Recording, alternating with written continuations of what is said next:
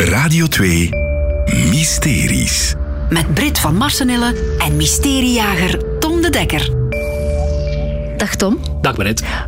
Om dit mysterie op te lossen gaan we naar de kermis. Ja, want een tijdje geleden had ik ontzettend veel zin in oliebollen. Oh, zo lekker. Heerlijk. Uh, en ik herinner mij als student dat ik hier in Gent op de halfvaste voor altijd naar hetzelfde kraam ging. Oliebollenkraam Abel.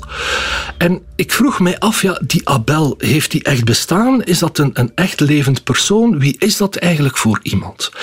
Maar voor ik op zoek gegaan ben naar de man achter de naam, wou ik ook wel weten van, ja, oliebollen, dat is zo typisch Ja.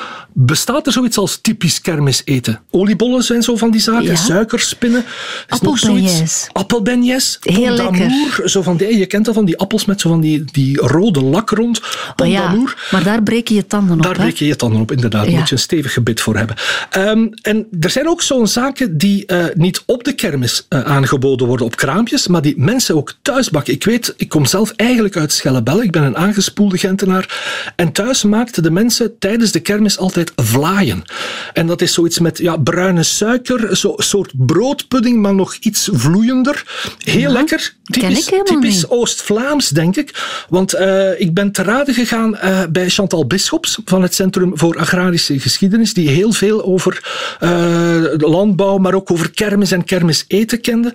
En ik heb aan haar gevraagd van ja, hoe zit dat nu eigenlijk met dat kermiseten? Is dat over heel Vlaanderen overal hetzelfde of zijn daar regionale verschillen? En er bleken toch wel regionale verschillen te zijn. Want jij kent bijvoorbeeld Vlaaien niet, maar ik kende Lacmans niet. Ah. Wij als Antwerpse zal dat wel kennen waarschijnlijk. Lacmans zijn uh, niet lekker. Ik lust ze echt niet graag. Het is veel te stroperig en te plakkerig. Maar inderdaad, hier op de kermis in Antwerpen ja. eten wij Lacmans. Voilà, ja, ze legden mij uit stroopwafeltjes, dat het daar wat op lijkt. Um, maar bij ons bijvoorbeeld in Gent, uh, die, die oliebollen zijn gekend. Ja. Maar in Gerardsbergen, de Gerardsbergse mattetaarten, die, Oh. nu, die je overal kan krijgen, die hebben hun oorsprong eigenlijk in kermiseten. Dat was tijdens de kermis dat er in Gerardsbergen, maar zelfs ruimer, Vlaamse Ardennen, zelfs Henegouwen, werden er mattetaarten uh, gebakken tijdens de kermis. Uh, en zo zijn er eigenlijk ook wel gerechten die begonnen zijn als kermiseten, Ja. maar die dan later ja, uitgegroeid zijn tot echte klassiekers. Denk maar aan rijstpap. Ah, rijstpap ook? eet nu iedereen altijd. Dat was oorspronkelijk echt kermiseten. Ah. Ehm, wat we nog eh, kennen, het nationale gerecht de friet is begonnen als kermiseten. Dat is eh, Wow. in 1838 voor het eerst op de kermis van Luik werd er friet geserveerd door eh, een aangespoelde Duitser die eh, de bijnaam Frits had.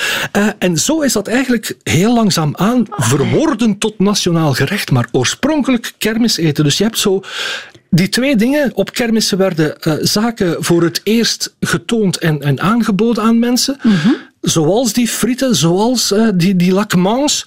En anderzijds had je dingen die thuis gemaakt werden. Ik, ik weet ook bijvoorbeeld in de Kempen, frikadellen met kriekjes is Ja, ook zo'n klassieker. En ik dacht bij frikadellen zo aan die eh, lelijke, vettige worsten, maar dat Nee, blijken nee, dus nee, nee. gehakt balletjes te zijn. Inderdaad. dat wist ik niet. Heb ik ook eh, van Chantal Bisschops geleerd.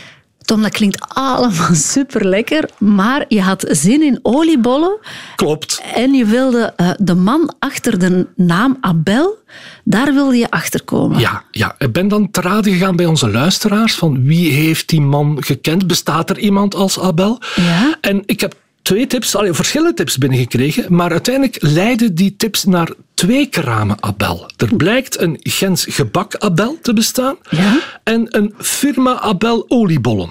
Dus twee kramen met de naam Abel. En zijn die van, van hetzelfde, ja, dezelfde familie? Wel, daarvoor ben ik eigenlijk te raden gegaan bij Steve Severijns. Die is zelf voorreiziger, maar is ook ontzettend bezig met het erfgoed van de kermis. En die wist wel degelijk van het bestaan af van Abel. Abel heeft dus echt bestaan. Hij had twee kramen. Een klein kraam en een groot kraam. En die zijn dus eh, bij zijn pensionering, als hij op rust gegaan is, zijn die overgegaan naar twee verschillende kermisfamilies. Die dus nu alle twee een eigen kraam, maar wel de naam behouden hebben van Abel. Wat die Steve Severens mij ook nog vertelde, is dat uh, die Abel dat die vooral gekend is in Gent en de iets ruimere regio daar rond. Hij ging tot Zottegem, tot Deinze, tot Tielt, maar niet veel verder. In het Waasland bijvoorbeeld kennen ze die totaal niet. Mm -hmm. En dat komt omdat blijkbaar kermisfamilies dat die uh, verschillende tournees hebben. Er zijn de echt grote attracties, waar, die gaan naar kermissen die een aantal weken aan een stuk duren. Ja. En dat begint uh, in Aalst. En dat gaat dan zo naar de grotere steden zoals Gent, Antwerpen, Brussel en dat eindigt in Luik. Maar die doen eigenlijk maar een acht, negental kermissen en daarmee is een jaar gevuld. Okay. Maar de iets kleinere uh, kermisattracties, die hielden het eigenlijk in hun eigen regio, in hun eigen buurt. Zoals een eetkraam. Zoals een eetkraam. Bijvoorbeeld die Abel, die uh, ging wel naar de halfvaste voor een van die grote foren in Gent, omdat dat zijn stad was. Mm -hmm. Maar voor de rest ging die naar de wijkkermissen en ging die naar de, de, de gemeente en de, de steden in de buurt. Dus die Abel is gekend in een stuk van Oost-Vlaanderen, maar daarbuiten is hij volledig totaal onbekend. Oké. Okay. En die twee families die, die nu die kramen uitbaten, kende die Abel nog? Wel, één van de twee wel nog. Het kraam dat nu uitgebaat wordt door Johan Houtekeur, die hebben hem nog gekend. Johan heeft zelfs nog op de schoot van de enige ware Abel gezeten. Okay. Die herinnert hem nog als een, een klein mannetje, klein van gestalte, altijd piekfijn uitgedost, wit bakkersuniform, baks, bakkersmuts op, fijn snorretje, dikke sigaar, dat was zo de man, uh, zoals hij eruit zag. En ik heb ook van luisteraars achteraf ook die beschrijving. Iedereen beschreef hem echt wel zo. Keurig heertje, niet te groot van gestalte, maar echt wel imposant. Hij was wel echt wel een figuur. Mm -hmm. um, en in die mate zelfs dat er een reus gemaakt is naar de figuur van Abel. In Ledenberg, dus zijn hometown zeg maar, ja. is er ook een tamelijk rijk carnavalsleven waar ook wel reuzen uh, uh, opgevoerd worden. En een van de reuzen van het uh, carnaval in Ledenberg is gemaakt naar die Abel. Rond welke tijd spreken we nu? Wel, uh, zijn kraam uh, is verkocht aan die twee families die het nu bezitten begin jaren 90. En dan was hij eigenlijk al een tijdje op rust.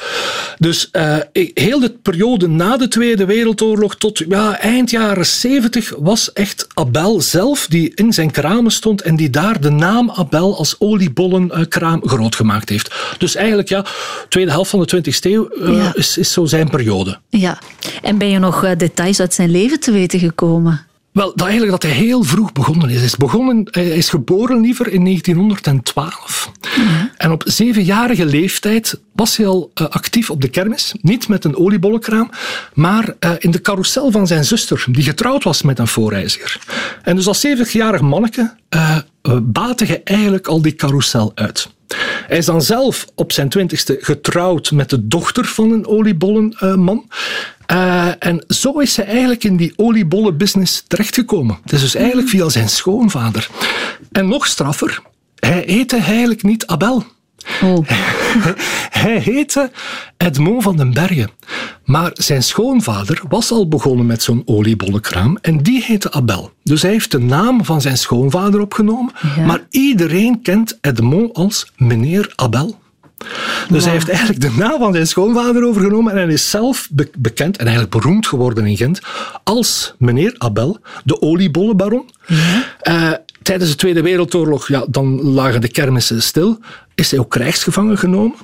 En hij moet toch wel een en ander betekend hebben, want hij heeft de eremedaille van generaal Dwight Eisenhower gekregen. En dat kunnen er niet veel zeggen. Ja, dat klinkt heel chic. Klinkt chic, hè? Ja, ja, absoluut. En uh, uh, dat is niet de enige titel die hij gekregen heeft. Uh, later, dus na de Tweede Wereldoorlog, als hij echt zijn carrière als oliebolleman verder gezet heeft en, en doen uitgroeien heeft tot een naam in Gent en omstreken, is hij ook eredeken geworden van, van Ledenberg, is hij ereburger geworden van Gent, van Ledenberg, maar ook van, van steden daar rond, van Tielt en van Deinze is hij ereburger. Hij is voorzitter geweest van de voorreizigers van, uh, van Oost-Vlaanderen. Hij heeft twee koninginnen ontmoet. Zowel koningin Fabiola als koningin Paola. Alleen weten we niet waarom. Ah, dat ja. is, dat okay. is wel jammer. Nu, Tom, je hebt dit mysterie willen oplossen omdat je zin had in oliebollen. Uh, maar heb je ze ondertussen ook al gegeten? Ja, absoluut. Ik ben op het einde van mijn zoektocht uh, in een van de twee kramen, in het kraam dat ik kende uit mijn studententijd, het grote kraam, zelf oliebollen gaan bakken en ze zijn lekker. Je hebt ze dus ook opgegeten? Ja, ik heb, ik heb er ook ah. meegebracht voor de redactie. Ah, oh, heerlijk. Dankjewel Tom om dit mysterie op te lossen. Graag gedaan. Meer mysteries? Volg alles in de Radio 2-app.